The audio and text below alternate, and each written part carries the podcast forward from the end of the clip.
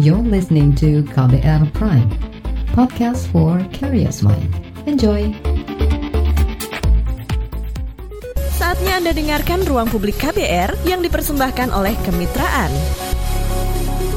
Selamat pagi saudara, kembali lagi Anda mendengarkan Ruang Publik KBR bersama saya Rizal Wijaya. Dan pagi hari ini kita akan ngomongin soal pentingnya lahan gambut Indonesia yang dipersembahkan oleh Kemitraan Partnership. Dan pagi ini saya juga tidak sendirian karena melalui aplikasi Zoom saya akan mengundang uh, tiga orang narasumber ya. Melalui Zoom dua orang narasumber yaitu Bapak Hasbi uh, Berliani yaitu Direktur Sustainable Development Government Kemitraan, kemudian uh, yang kedua adalah Ibu Mirna Safitri, Deputi Bidang Edukasi Sosialisasi Partisipasi dan Kemitraan Badan Restorasi Gambut atau BRG. Dan ketiga, oh ada tiga ternyata, Ibu Friska, Mbak Friska, produser podcast Gambut Bak Kisah. Ini Mbak Friska teman saya sendiri. Baik, dan ngomongin soal gambut, banyak orang tidak menyadari peran penting uh, lahan gambut bagi kehidupan manusia. Padahal Indonesia memiliki uh, luasan lahan gambut yang tersebar, yang maksudnya terbesar kedua di dunia. Wow. Dan luas lahan gambut Indonesia mencapai 22,5 juta hektar dan menyimpan 30 persen karbon dunia. Tanah gambut mampu menyimpan karbon dalam jumlah banyak sehingga tidak terlepas ke atmosfer. Dan jika ditelaah, lahan gambut memiliki fungsi untuk mencegah perubahan iklim, bencana alam, dan kemudian penunjang perekonomian masyarakat sekitar. Sayangnya, lahan gambut di Indonesia semakin berkurang jumlahnya karena dialihfungsikan menjadi lahan pertanian atau pemukiman, kemudian menjadi rusak karena kebakaran. Dan seperti apa peran penting lahan gambut bagi manusia? Dan apa saja dampaknya jika lahan gambut mengalami kerusakan atau dirusak. Kita akan bahas selengkapnya bersama uh, narasumber yang sudah kami sebutkan pagi hari ini yang sudah hadir melalui aplikasi Zoom. Kemudian kita juga nanti akan terhubung melalui telepon bersama salah satu uh, jurnalis yang uh, bertugas untuk meliput khusus soal gambut ini yaitu ada Mas Asrul Dwi. Dan perlu Anda ketahui juga untuk Anda nih pendengar eh, KBR, ruang publik KBR yang tersebar di seluruh Indonesia dari Aceh hingga Papua. Hari ini tepatnya kita juga sekaligus akan launching podcast yang akan khusus membahas soal gambut ini yaitu podcast Gambut Bakisah. Nah, penasaran kan seperti apa? Makanya saya akan uh, secara khusus juga pagi hari ini berbincang-bincang cari tahu mengenai podcast Gambut Bakisah ini yaitu Mbak Friska Halo Mbak Friska, produser podcast Gambut Bakisah yang sudah terhubung melalui uh, Zoom pagi hari ini. Dan kemudian uh, nanti di uh, segmen berikutnya saya juga akan ngobrol-ngobrol uh, dengan Ibu Mirna Safitri, Deputi Bidang Edukasi Sosialisasi Partisipasi dan Kemitraan Badan Restorasi Gambut. Selamat pagi Ibu Mirna. Selamat pagi. Selamat pagi sehat ya Ibu Mirna ya. Ya, selalu semangat, salam sehat selalu. Baik. Ya. Dan berikutnya adalah Bapak Hasbi Berliani, Direktur Sustainable Development Governance Kemitraan. Selamat pagi Pak Hasbi Berliani. Selamat pagi Mas Rizal. Selalu sehat Pak Hasbi. Ya, alhamdulillah sehat. sehat. Baik. Dan yang pertama saya akan ke uh, Mbak Friska terlebih dahulu. Ini berkaitan dengan podcast Gambut Bakisah uh, di era digital ini ternyata untuk uh, sosialisasi edukasi mengenai uh, gambut ini penting juga dan akhirnya menyesuaikan dengan yang namanya produk namanya podcast. Jadi selain melalui talk show pagi hari ini ya. Baik, uh, Mbak Friska. Ya, Mas Rizal. Nah, ini ketika kemitraan mengajak KBR Eh, sekaligus untuk membuat satu produk namanya uh, podcast Gambut Bakisa. Mm-hmm. Ini ceritanya awalnya seperti apa sih begitu mendapatkan pekerjaan ini nih? Menggarap podcast iya. podcast Gambut Bakisa. Jadi sosialisasi edukasi soal gambut tapi melalui mm-hmm. podcast gitu. Ini pertama kali kayaknya ya pertama kali. Ini Jadi gimana nih? Agak... Begitu begitu mendapat pekerjaan ini respon Mbak Friska pertama kali apa nih? Kaget. Maksudnya mau diapain gitu ya gambut ya gitu. Uh, untuk dijadiin podcast kita harus bikin kemasannya kayak gimana. Karena kan hmm. gambut itu sendiri uh, banyak orang apalagi kita seperti kita yang tinggal di Jakarta gitu utamanya di kota-kota besar nggak pernah melihat gambut secara langsung. Betul. Dalam bayangan saya sendiri terutama meskipun saya wartawan saya juga belum pernah lihat gambut secara langsung, akhirnya kayak apa sih gambut itu bayangannya pada saat itu sama lah sama semua orang. Kayak oh hutan gambut itu mungkin kayak hutan Amazon ya yang pohonnya tinggi-tinggi yang banyak bu ini kita garap hampir memakan waktu sekitar enam bulan ya. Itu tuh benar-benar yang oh beda ternyata. Hmm. gambut itu ternyata nggak seperti bayangan uh, orang-orang yang ada di perkotaan utamanya saya pengalaman pribadi begitu. Setelah kita menggarap ada banyak hal yang nggak diketahui masyarakat tentang gambut ini Mas Rizal dan kami rasa uh, ini harus disebarluaskan sebanyak mungkin. Jadi ketika kita tinggal di kota bukan berarti kita nggak bisa ikut berupaya untuk menjaga dan melestarikan ekosistem gambut. Meskipun kita nggak tinggal di Kalimantan misalnya atau di Sumatera begitu atau di Papua, kita bisa loh dari jarak jauh. Bagaimana caranya itu semua akan di uh, bahas dan dijabarkan secara detail di dalam podcast yang berjumlah 12 episode ini. Tak kenal maka tak sayang itu ya. Betul. Sama sekali. aja kayak misalnya pengen makan PMP harus ke, nggak harus ke Palembang gitu kan? Enggak harus, meskipun pasti beda ya rasanya ya. pasti beda sih rasanya gitu. Jadi, jadi gitu Mbak Friska sendiri eh, belum pernah boro-boro menyentuh itu lahan gambut gitu ya? Enggak, jadi gambut. selama ini cuman riset, hmm. lihat video di YouTube gitu. Tapi kalau melihat langsung sebenarnya seharusnya kita liputan langsung. Cuman kan ketika podcast ini dimulai ternyata pandemi juga mulai. Hmm. Jadi uh, yang berkesempatan liputan itu hanya dua uh, reporter dan satu produser pada saat itu ada Asrul dan Heru. Dan akhirnya semua wawancara, semua riset, semua proses untuk menjadikan podcast ini benar-benar perjuangan karena uh, pertama ada pandemi, kedua ya tentu saja keterbatasan itu membuat uh, kami harus putar otak gimana caranya supaya podcast ini nggak membosankan, hmm. kemudian tetap informasi informatif, edukatif, tapi juga didengerin orang itu jadi kayak oh ternyata gambut gini ya, dan okay. itu semuanya akhirnya berhasil dan kita akan launching hari ini. Jadi secara umum sebenarnya gambut ini masih uh, terdengar asing gitu barangkali ya untuk apalagi untuk masyarakat perkotaan gitu ya.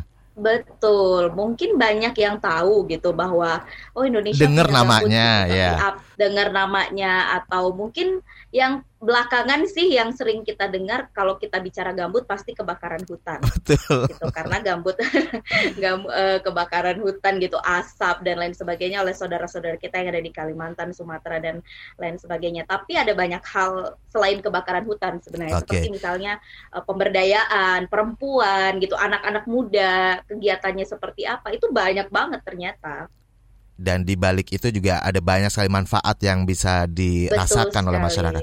Oke, nah berbicara soal podcast eh, Gambut Bakisah ini, uh, untuk menentukan namanya Gambut Bakisah juga dari produser Mbak Friska sendiri bersama tim atau dari kemitraan atau seperti apa nih prosesnya?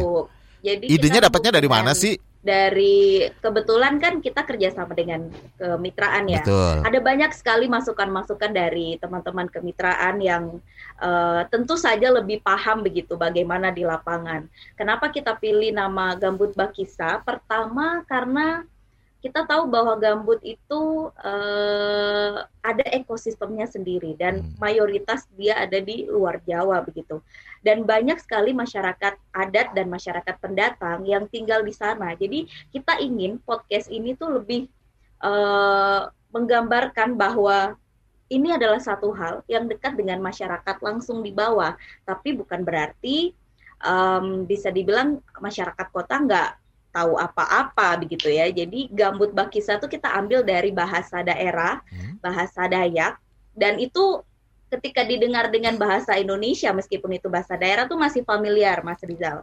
Bakisa artinya ya kisah lah ya berkisah, gitu. berkisah. gitu, gambut bercerita apa sih yang ingin diceritakan gambut. Hmm. Nah, episode-episode podcast ini ada banyak kemasannya, ada yang storytelling, ada yang Q&A misalnya dengan Pak Laude, Direktur Eksekutif Kemitraan, kemudian ada Pak Nazir Fuad juga dari uh, eh, BRG, Ibu Mirna juga waktu itu uh, kita sempat hadir di diskusi yang digelar oleh kemitraan, kita masukkan juga dalam podcast ini dan ada satu episode menarik di mana kita membuat wawancara imajiner hmm. seakan-akan kita ngobrol nih sama gambut. Apa sih oh. suara isi hati gambut itu seandainya dia adalah manusia misalnya. Jadi kita Seru bikin banget ya. perumpamaan, ya. perumpamaan seperti itu.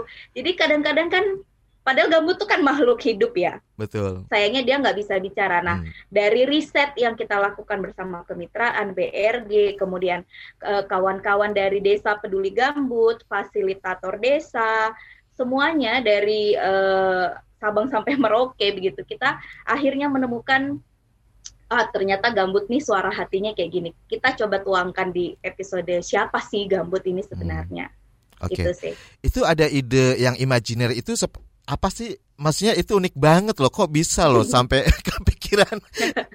itu ya jadi karena sebenarnya kan kayak misalnya kita nih yang ada Hmm. di luar Jakarta tuh kan apa sih gambut gitu. betul. Emang siapa sih gambut? Emang pentingnya apa gitu Hmm. gambut?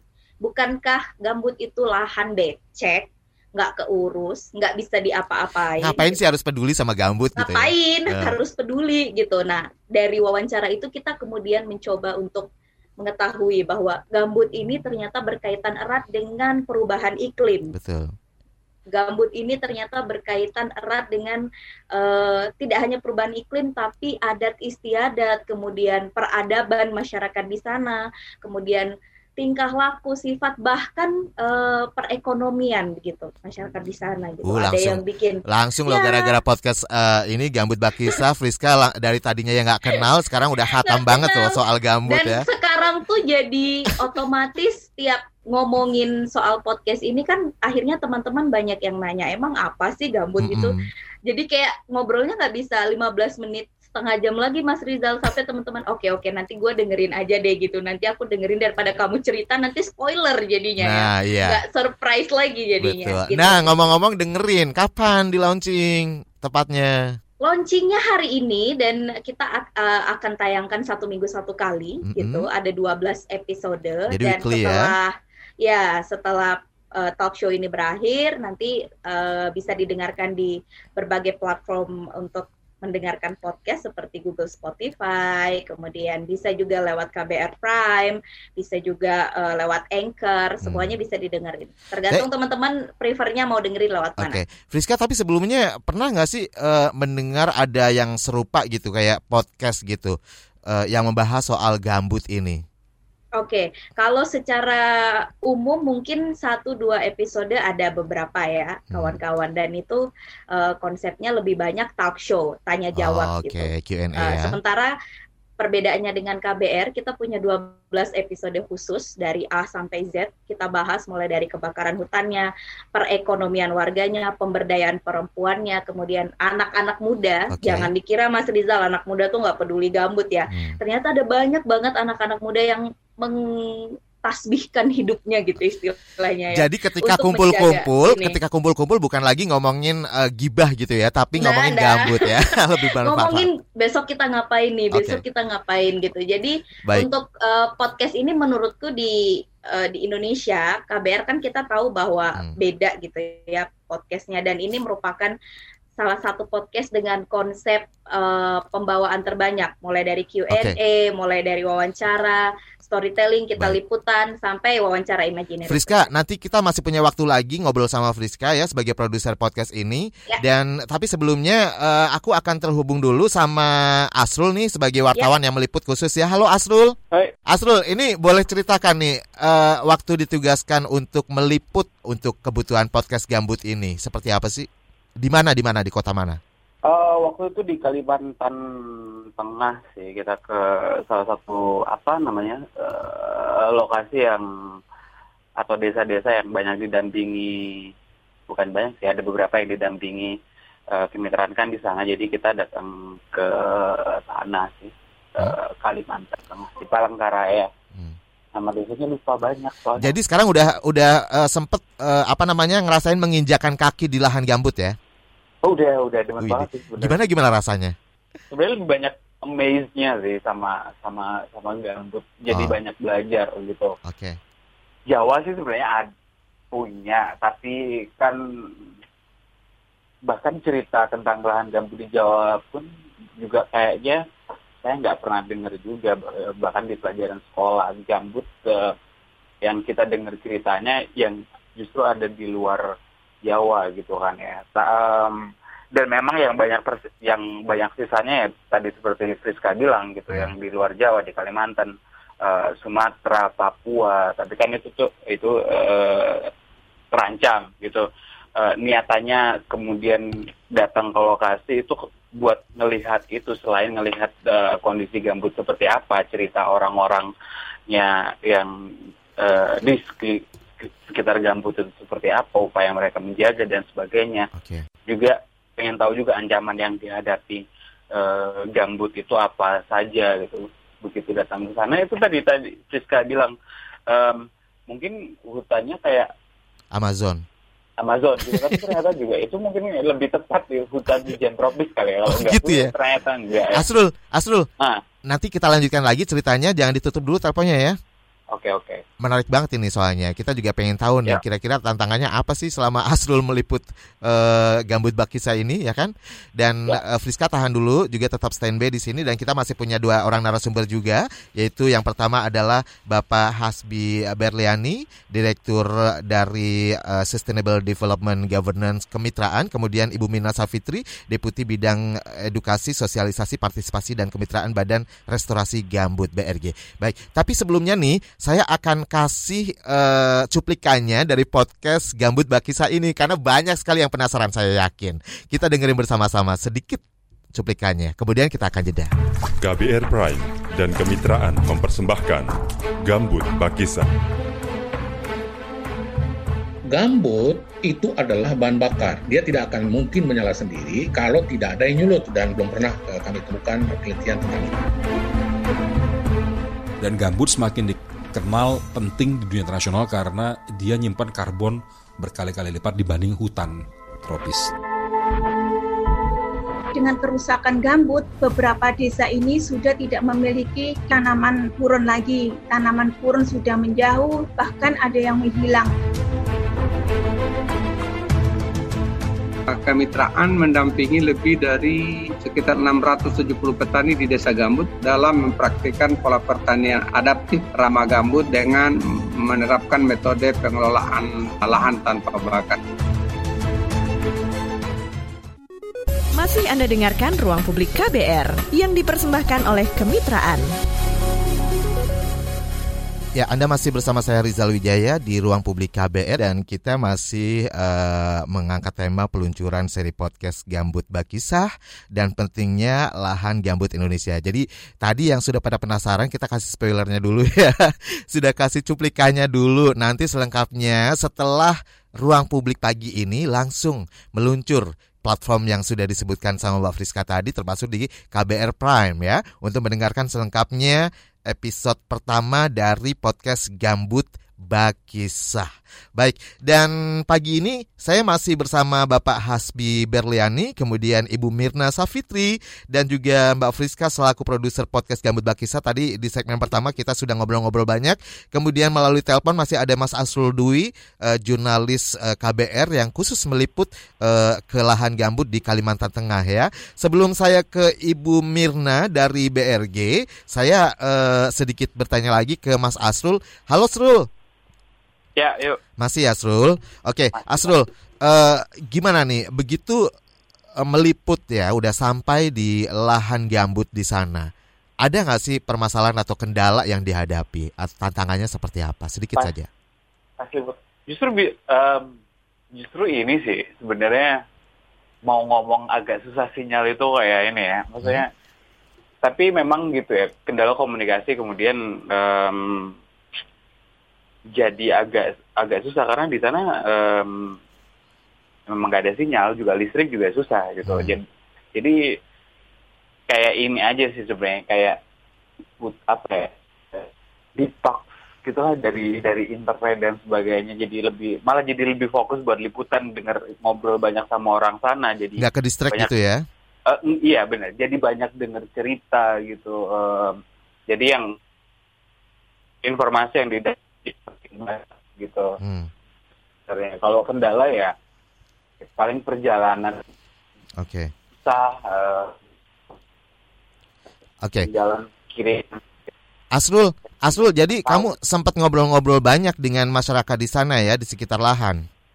iya ngobrol banyak. Paling banyak keluhannya apa sih dari mereka? Um, bu sebenarnya bukan bukan keluhan ya. Uh, ya ada kerisauan apa?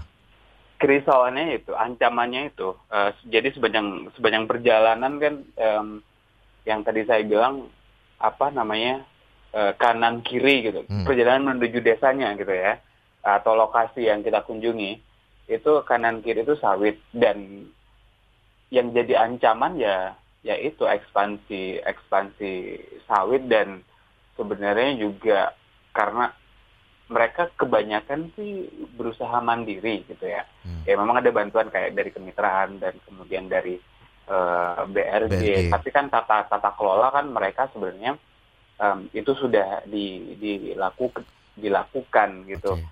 Dan um, seharusnya itu yang um, dikuatkan gitu untuk pengelolaan uh, gambut itu sih. Hmm. Tapi kemudian karena ada orang luar yang datang, kadang-kadang itu um, mereka nggak menyesuaikan apa uh, yang sudah ada sebenarnya model yang sudah ada, tapi um, dengan bekal orang apa yang dibawa dari kota gitu beberapa itu atau sebelumnya itu justru mereka memaksakan um, itu untuk diadopsi di lokasi padahal itu juga nggak cocok okay. sebenarnya gitu sih. Baik. Ya, terima kasih sekali Asrul udah berbagi di ruang publik pagi hari ini sebenarnya masih kurang ya. Nanti kita bisa ngobrol-ngobrol lagi di lain waktu kali ya. Iya, dengerin podcastnya aja. Iya, dengerin podcastnya. Tapi sayang banget kamu nggak ngajakin aku buat liputan ke sana. Cukup ya. Terima kasih, Asrul. Ya, ya. Oke, dan sekarang langsung aja ke Ibu Mirna nih mengenai uh, pemahaman masyarakat soal gambut. Bu Mirna, sejauh ini seperti apa sih pemahaman uh, uh, gambut dari masyarakat itu sendiri? Jadi ya, pas banget nih kalau misalnya uh, ternyata hmm. masih uh, jauh di bawah target gitu ya dengan hadirnya podcast uh, Gambut Bakisa ini. Gimana Ibu? Ya, Mas Rizal, um, apa namanya? Kalau tadi kalau saya ditanya bagaimana pemahaman masyarakat, ya hmm. tadi apa yang disampaikan oleh Mbak Friska hmm. dan juga Mas uh, Asrul itu representasi dari pemahaman masyarakat tentang gambut. Ya, mungkin selama ini uh, atau sebelum-sebelumnya sebelum ada BRG kan gambut ini kan jarang jarang diperbincangkan ya. Betul. Gitu kan uh, mungkin Mas Rizal sendiri baru tahu kali ya.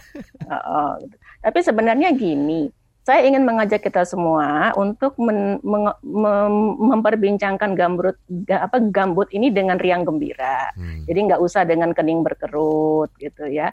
Nah, salah satu caranya mari kita mulai dengan makanan. Okay. Ya, kita mulai dengan kuliner. Tadi disebutkan ada pempek, ya. Pempek itu paling enak itu itu terbuat dari ikan apa coba? Tenggiri. Wah. Apa dong? Itu mah kata-kata orang Jakarta. Orang Jakarta mah sudah happy makan pempek ikan tenggiri. Coba kalau kita ke Palembang. Beda lagi. Beda lagi. Pempek yang enak itu yang terbuat dari ikan gabus. Oh. Nah, baru tahu gitu. juga. Itu baru tahu. Saya juga baru tahu pempeknya lebih putih. Jadi pengen gitu. pempek nih Bu. Ih, seru banget. Jadi pempek itu kan yang enak itu terbuat dari ikan gabus. Nah, Betul. Nah, ikan gabus itu ikan yang banyak uh, ditemukan di ekosistem gambut. Hmm. Gitu. Jadi terus juga pempek kan juga dibuatnya kan juga campuran dengan tepung apa? Waduh nggak paham, coba? saya nggak bisa masak. Nggak bisa masak. Tepung sagu. Tepung sagu, ya? oke. Okay. Nah, nah tepung uh, sagu itu tanaman yang juga uh, endemik di lahan gambut. Jadi kalau mau tahu gambut ya itu uh, coba lihat dari beberapa makanan yang kita sudah uh, biasa konsumsi. Ini gitu, Mas. Uh, uh, jadi gambut itu ekosistem lahan basah yang ada di Indonesia yang kalau data lahan gambut dari Kementerian Pertanian terbaru itu kan 13,9 juta hektar ya. Hmm. Nah, nah itu um, gambus uh, di kita tuh uh, apa namanya disebut dengan gambut tropis yang salah satu terbesar di dunia. Di dalamnya ada apa ya? Tadi ada berbagai macam jenis uh, tanam-tanaman, kemudian juga ada beberapa uh, fauna ya, kayak tadi ikan-ikan luar biasa, kemudian juga burung, ada burung-burung air yang itu indah sekali, kemudian juga orang hutan. Ya, jadi di satu tempat di Kalimantan Barat dan di Kalimantan Tengah itu ada satu uh, ada, ada tempat namanya Taman Nasional itu kalau sore-sore orang hutan tuh bisa ada di ber, berjajar di pinggir sungai. Hmm. Jadi pernah nggak punya pengalaman menyusuri sungai terus bertemu dengan saudara tua, bertemu dengan orang-orang hutan dadah-dadah gitu ya, hai gitu loh. Nah mereka berdiri tuh di, di apa namanya di pohon-pohonan itu gitu loh. Nah itu itu juga salah satu kekayaan dari ekosistem gambut yang kita miliki gitu mas. Oke, dan selain itu di luar itu manfaatnya buat masyarakat itu sendiri sebenarnya apa nih bu? Biar uh, kita juga semakin paham nih. Kalau manfaat untuk masyarakat setempat ya banyak. Masyarakat tempat itu memanfaatkan untuk kegiatan perikanan. Karena kan gambut ini kan pada dasarnya kan dekat dengan air ya. Apakah itu sungai apakah itu rawa. Ada juga yang yang dekat dengan laut. Okay. gitu. Jadi eh, dimanfaatkan untuk perikanan dimanfaatkan juga untuk pertanian. Tentu saja pada lahan-lahan gambut yang uh, tidak terlalu tebal ya karena lahan-lahan gambut yang tipis yang dekat uh, dengan uh, sungai dan lain-lain itu kan uh, relatif lebih subur daripada gambut yang ada di di pedalamannya. Oke, okay, Ibu. Macam-macam tanaman-tanaman yang mereka kembangkan di situ. Ada tanaman-tanaman hortikultura seperti ada lidah buaya, ada ada nanas, ada apa namanya, ada ada buah-buahan yang lain seperti buah naga dan lain-lain. Hmm. Apa yang bisa kita lakukan untuk menjaga kelestarian gambut ini sih Bu? Apalagi bagi masyarakat uh, yang tinggal jauh dari lahan gambut seperti yang tadi disebutkan Mbak uh, Friska ya, masyarakat kota. Ya, good. Itu pertanyaan yang sangat bagus dan sangat penting. Tapi sebelum ke situ, saya mau me menjelaskan begini Tadi kan saya bilang luas lahan gambut kan 13,9 juta hektar. Dari luas itu, itu 2,67 juta hektarnya itu dalam keadaan yang sangat rusak. Hmm. Nah, kalau 2,67 juta hektar itu kira-kira mungkin tiga kalinya Pulau Bali. Ya, itu okay. kondisinya sudah sangat rusak. Karena sangat rusak itu akibat uh, salah satu uh, cirinya adalah dia kering. Kan tadi ingat ya, gambut itu kan lahan basah. Hmm kalau dia rusak berarti kemampuan dia menyimpan air itu berkurang. Karena itu dia jadi kering. Kalau dia kering, maka dia kemudian mudah terbakar. Oke. Okay. Apalagi kalau sudah kering dibakar pula gitu loh. Makin-makin. Ya, makin-makin gitu. Nah, kalau gambut itu terbakar, itu pemadamannya susah karena biasanya apinya ada di bawah tanah. Hmm gitu loh. Kenapa apinya ada di bawah tanah? Karena gambut itu kan sebenarnya kan lahan yang belum sempurna terurai. Oke. Okay. Jadi kalau Mas e, menanam di di apa apa melihat tanah yang ada di Jakarta dan sekitarnya tanahnya kan umumnya kan padat ya. Hmm. Gitu kan? Tapi kalau kita ke lahan gambut itu tanahnya itu um, apa? lebih apa kurang kepadatannya. Hmm. Jadi kita kalau mengambil tanahnya itu biasanya dia berwarna hitam, terus kadang-kadang ada seperti bekas daun-daunan, bekas hmm. ranting-rantingan seperti itu.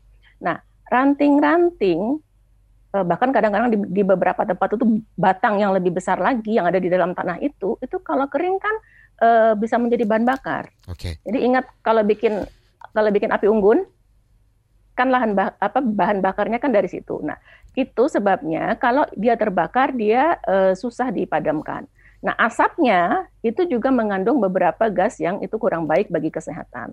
Itu bisa di, di, dirasakan bukan hanya oleh masyarakat setempat, itu juga sampai kepada negara-negara lain di, di sekitar Indonesia. Baik, Ibu Mirna, kita tahan dulu Bu Mirna karena uh, saya juga kembali akan uh, apa namanya memutarkan cuplikan. Ibu Mirna pasti sangat mendukung sekali dengan adanya hadirnya podcast Gambut Bakisa ini dan penasaran kan seperti apa Bu?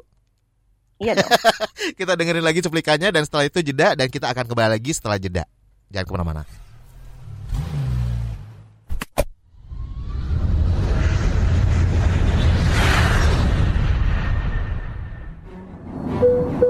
KBR Prime dan kemitraan mempersembahkan Gambut Bakisa.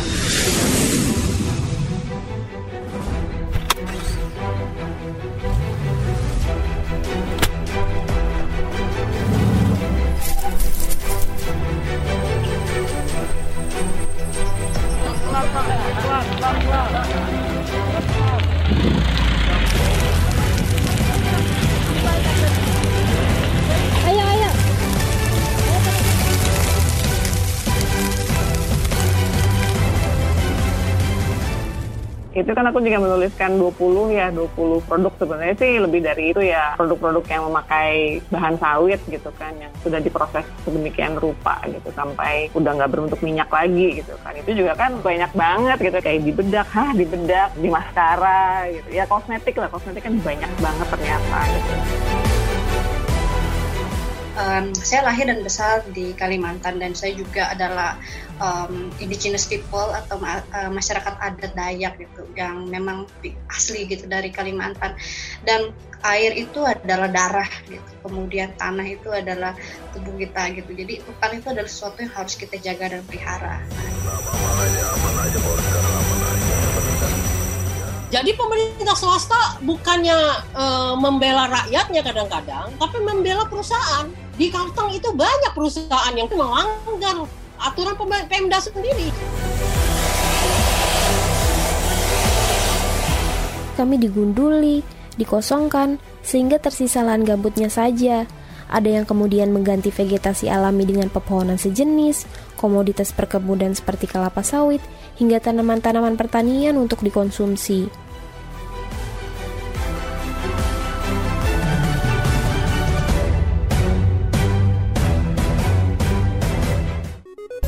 Anda dengarkan Ruang Publik KBR yang dipersembahkan oleh Kemitraan. Kembali lagi Anda masih mendengarkan Ruang Publik KBR dan kita masih mengangkat tema peluncuran seri podcast Gambut Bakisah dan pentingnya lahan gambut Indonesia. Jadi eh, sedikit kita sudah mendengarkan seperti apa sih podcast Gambut Bakisah itu. Penasaran kan? Dengarkan selengkapnya hanya di eh, podcast KBR Prime ya di uh, pilih saja Gambut Bakisah. Baik, tapi nanti setelah siaran ini baru kita launching, baru kita luncurkan. Baik, dan pagi hari ini kita juga masih terhubung melalui uh, Zoom dengan Bapak Hasbi Berliani, Direktur Sustainable Development Governance Kemitraan, kemudian Ibu Mina Safitri, Deputi Bidang Edukasi Sosialisasi Partisipasi dan Kemitraan Badan Restorasi Gambut BRG ya. Kemudian Mbak Friska, produser podcast Gambut Bakisah. Baik, dan uh, kita akan lanjutkan kembali tapi sebelumnya banyak sekali yang sudah uh, ikut berinteraksi melalui telepon, eh, melalui SMS dan WhatsApp serta YouTube Live ya di YouTube Berita KBR dan nanti kita akan bacakan satu persatu. Sebelum kita akan ke Pak Hasbi sebelumnya. Pak Hasbi. Ya, kita akan kenalan dulu nih Pak Hasbi untuk pendengar kita di seluruh Indonesia karena pagi hari ini kita disiarkan melalui 100 radio jaringan KBR Pak. Jadi eh, kemitraan, kemitraan itu apa sih Pak? Boleh kenalan dulu Pak. Ya, Selamat pagi pendengar KBR, Mas Rizal. Eh, kemitraan ini adalah sebuah eh, lembaga eh, non pemerintah, hmm. lembaga nirlaba yang bertujuan untuk membangun tata kepemerintahan yang baik, governance. dan salah satu concern kita di Indonesia adalah bagaimana perbaikan tata kelola dari sektor lingkungan hidup ya, termasuk kehutanan, lahan gambut dan sebagainya. Terima kasih. Oke, nah uh, bisa diceritakan juga ini awalnya seperti apa sih berkol akhirnya berkolaborasi dengan Badan Restorasi Gambut BRG?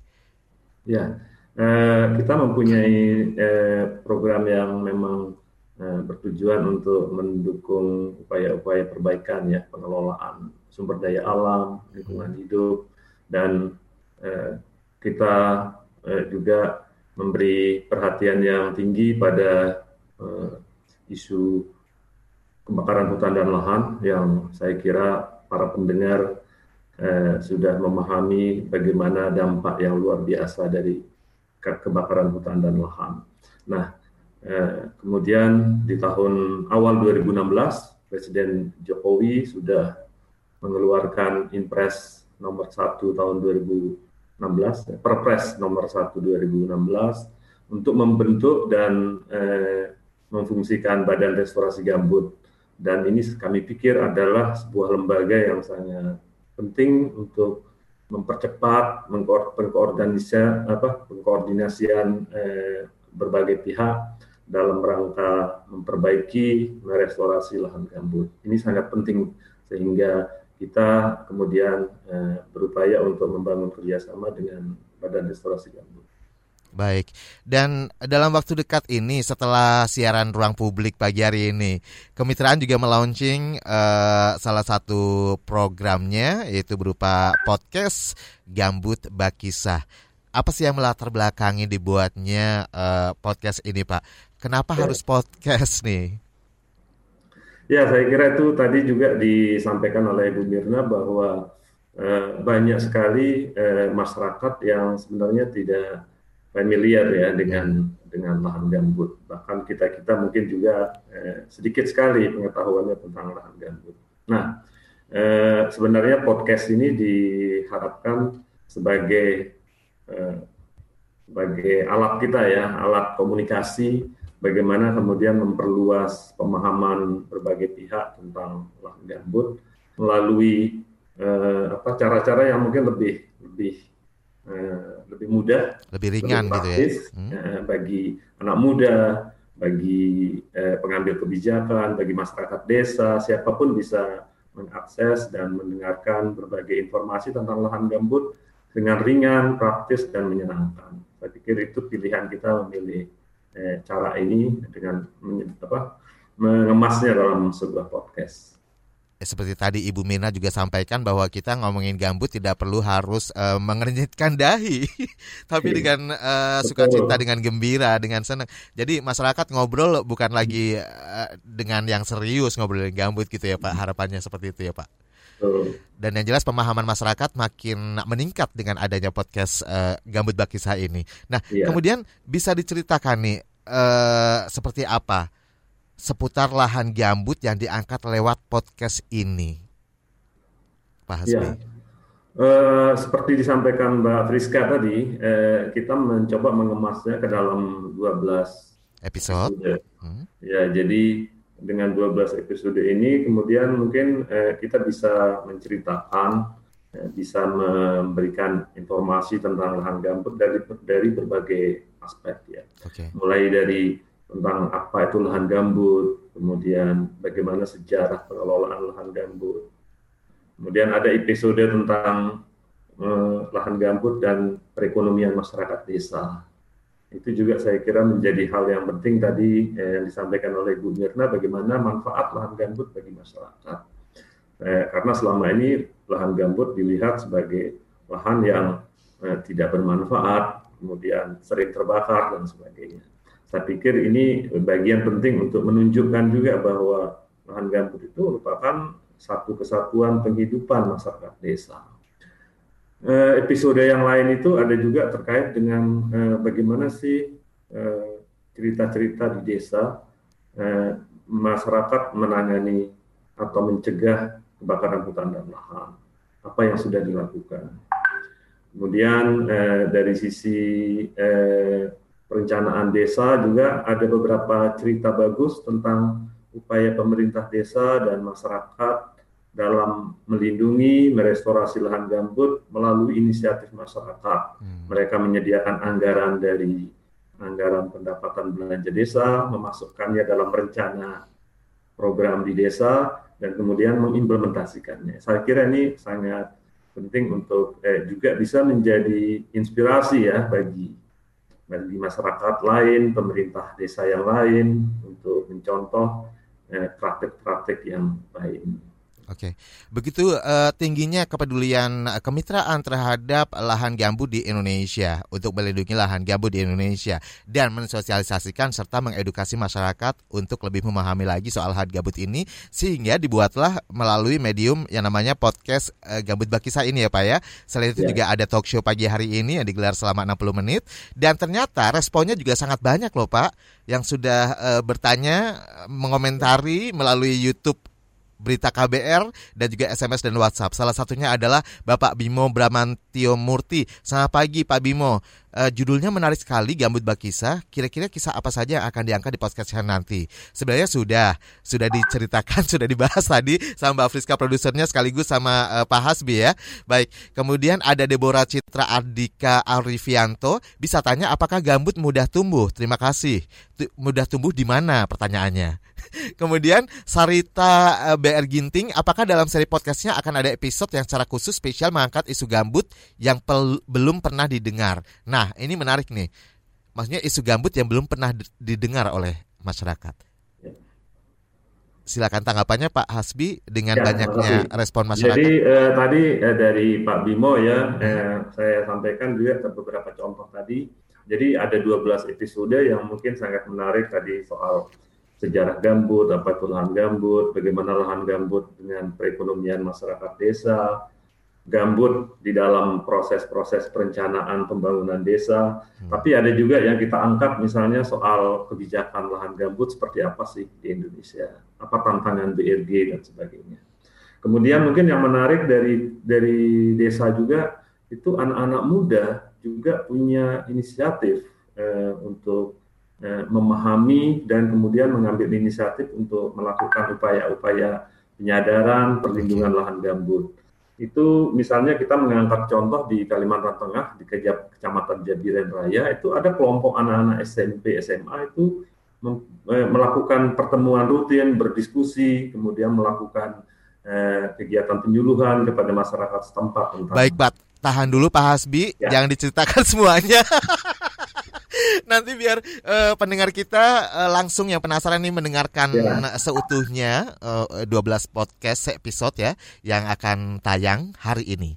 Tapi yang mungkin penasarannya nggak bisa ditahan nih. Sekarang juga saya akan kasih cuplikannya lagi dan uh, Ibu Mina tetap di sini karena di akhir segmen nanti juga saya uh, ingin tahu nih pesan apa yang ingin disampaikan oleh Ibu Mirna untuk masyarakat ya mengenai lahan gambut ini. Dengarkan cuplikannya yang satu ini dan setelah itu jeda. Kita akan kembali setelah jeda. KBR Prime dan kemitraan mempersembahkan Gambut Bakisa. Gambut itu adalah bahan bakar. Dia tidak akan mungkin menyala sendiri kalau tidak ada yang nyulut dan belum pernah eh, kami temukan penelitian tentang itu.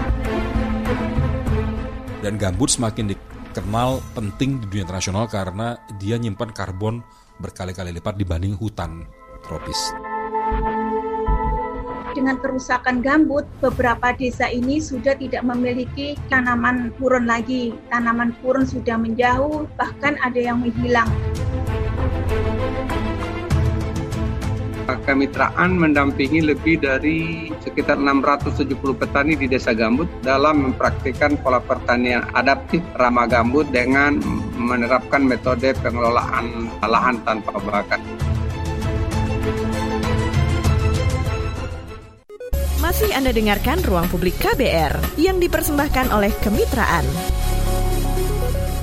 Ya, kita masuk bagian akhir di ruang publik KBR pendengar dan masih di sini bersama saya Rizal Wijaya dan juga narasumber kami Bapak Hasbi Berliani, Direktur Sustainable Development Governance Kemitraan, kemudian Ibu Mirna Safitri, Deputi Bidang Edukasi Sosialisasi Partisipasi dan Kemitraan Badan Restorasi Gambut BRG. Kemudian Mbak Friska juga masih setia bersama kami selaku produser podcast Gambut Bakisah. Dan tadi di awal-awal juga juga kita sudah terhubung dengan salah satu uh, reporter yang langsung terjun ke lapangan meliput khusus untuk kebutuhan podcast Gambut Bakisa ini. Dan katanya sangat amazed. Baik, dan amazed lagi karena banyak sekali yang sudah uh, ikut berinteraksi di sini melalui uh, eh, SMS dan WhatsApp di 0812 118 8181 kemudian untuk live chat di YouTube channel kami yaitu di Berita KBR KBR.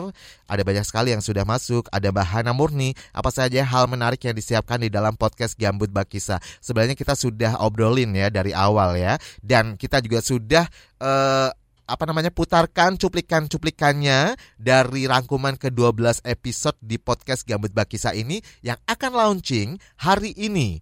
Anda bisa dengarkan nanti setelah siaran pagi hari ini jam 10 ya akan segera di launching yang melalui uh, platform-platform yang sudah disebutkan tadi sama Mbak Friska di awal seperti salah satunya di podcast KBR Prime. Search aja Gambut Bakisa. Baik, dan sekarang Ibu Mirna sedikit saja Bu Mirna kira-kira ya. apa nih praktik baik yang bisa dilakukan oleh masyarakat hal-hal sederhana sehingga bisa melindungi ikut berpartisipasi melindungi lahan gambut. Ya, yang pertama uh, untuk masyarakat umum kami berharap agar terus memberikan dukungan. Nah, salah satu dukungan yang diberikan itu adalah dengan membeli produk-produk yang berasal dari pertanian dan kerajinan masyarakat yang ada di lahan gambut. Hmm. Karena itu penting karena uh, tidak ada orang mau memelihara kalau tidak mendapatkan kesejahteraan dari situ. Jadi kalau kita bisa mendukung agar masyarakat mendapatkan tambahan penghasilan dari lahan gambut mereka, maka otomatis mereka pun juga terus tertarik untuk memelihara. Jadi ada banyak sekali produk-produk yang sudah dihasilkan oleh masyarakat yang nanti di dalam uh, podcast podcastnya nanti bisa diceritakan apa saja itu. Nah itu kami berharap agar uh, teman-teman semua berkenan untuk memberikan dukungan uh, dengan cara membeli dan mengkampanyekan penggunaan produk-produk dari lahan gambut itu. Oke. Okay. Gitu, Mas. Bu Mirna, ini hmm. untuk episode ke-13 sampai episode selanjutnya selanjutnya mungkin BRG siap deh kayaknya. Apa tuh? Untuk untuk uh, membuat juga tergabung dalam podcast ini. Oh siap. siap melanjutkan proyek ini ya Bu Mirna ya. Dan jangan lupa Bu Mirna langsung kunjungi aja uh, kbrprime.id slash gambut bakisah. Nanti akan bertemu podcastnya di sana ya Bu Mirna ya. Iya. Baik. Dan saya uh, ke Pak Hasbi. Kembali Pak Hasbi, ada yang mau ditambahkan nih Pak Hasbi? Kira-kira praktik baik apa nih yang bisa ditularkan kepada masyarakat nih? Ya, saya kira dari program-program yang diselenggarakan oleh Badan Restorasi Gambut selama ini eh, melalui sebuah program yang disebut Desa Peduli Gambut, hmm. itu eh, saya kira BRG sekarang sudah eh, menerapkan ini hampir 500 desa. Jadi eh, banyak sekali praktek baik yang ada di sana yang dilakukan eh, antara lain bagaimana kita bisa eh, membangun eh, ekonomi Hmm, sumber pendapatan bagi masyarakat dengan cara tetap untuk melindungi lahan gambut, mengelola lahan gambut secara berkelanjutan. Kemudian banyak praktik baik tadi eh, masyarakat bisa berkontribusi dalam eh, mendukung perlindungan lahan gambut melalui eh, dana desa, melalui dana eh, anggaran pendapatan dan belanja. Mbak Friska, Mbak Friska, harapannya sebagai produser dari uh, podcast Gambut Bakisa ini, ke depannya seperti apa sih dengan hadirnya podcast Gambut Bakisa ini? Oke, uh, seperti tujuan dari setiap podcast yang diproduksi oleh KBR, tentu saja kita berharap ada impact ya, ada dampak begitu dari uh, podcast ini. Salah satunya adalah uh, meningkatkan awareness kita uh, terhadap kelestarian dan ekosistem gambut dan hmm. itu bisa kita lakukan meskipun kita jauh dari ekosistem itu sendiri. Karena kenapa? Karena uh, dengan menjaga ekosistem gambut itu sama artinya dengan menjaga bumi kita satu-satunya. Kita cuma punya bumi tempat kita tinggal, Mas Rizal. Nggak ada tempat lain. banget. Ini kuatnya ditunggu nih. Iya, kita cuma punya ini. Jadi uh, saya ingin mengajak semua siapa pun ya, utamanya anak muda karena anak-anak muda yang nanti akan meneruskan perjuangan dari kemitraan, perjuangan dari BRG gitu. Kalau kita generasi muda nggak tahu apa-apa tentang gambut, bagaimana nanti kita ikut okay. bakal mengurus itu? itu Kayaknya Friska siap diangkat jadi duta lahan gambut ya. uh, dan juga yang terakhir dari Ibu Mirna, mungkin silakan Bu Mirna untuk menutup uh, pagi hari ini sedikit saja Bu Mirna. Ya, uh, sa ya saya berharap uh, podcast ini bisa memperluas jangkauan uh, informasi mengenai gambut kepada semua segmen masyarakat yang ada di Indonesia. Karena seperti di awal yang saya, yang saya sampaikan, kami menginginkan agar gambut ini diperbincangkan dengan cara yang santai gitu ya, dengan cara yang tidak uh, harus uh, dibahas secara serius karena itu kan kalau dengan podcast, apalagi nanti dengan tema-tema yang juga disampaikan, bisa sambil jogging, bisa sambil masak, gitu kan. Jadi eh, selalu teringat eh, mengenai gambut dan masyarakatnya. Okay. Mudah-mudahan podcast ini eh, betul-betul bisa eh, sesuai dengan apa ya keinginan dan juga uh, selera informasi dari semua masyarakat Indonesia. Ibu satu kata dong buat podcast uh, Gambut Bakisa ini. Hmm, satu kata ya. Ayo. Um, apa ya? podcast gambut oke. Oke, oke doang. Mantul. Oke doang. Mantul, mantap betul. Ya, terima kasih sekali atas kehadirannya Ibu Mirna Ya, Safitri kasih, Mas dan juga Mbak. Friska. Sayang sekali ya Pak kasih, Pak Mas Hasbi sayang sekali gangguan sinyal pagi hari ini padahal waktu yang paling saya tunggu-tunggu karena harus melaunching untuk podcast Gambut Bakisa ini ya. Waduh, dan saya Rizal Wijaya harus segera pamit. Terima kasih atas kebersamaannya dan salam. Baru saja Anda dengarkan Ruang Publik KBR yang dipersembahkan oleh Kemitraan. KBR Prime, cara asik mendengar berita. KBR Prime, podcast for curious mind.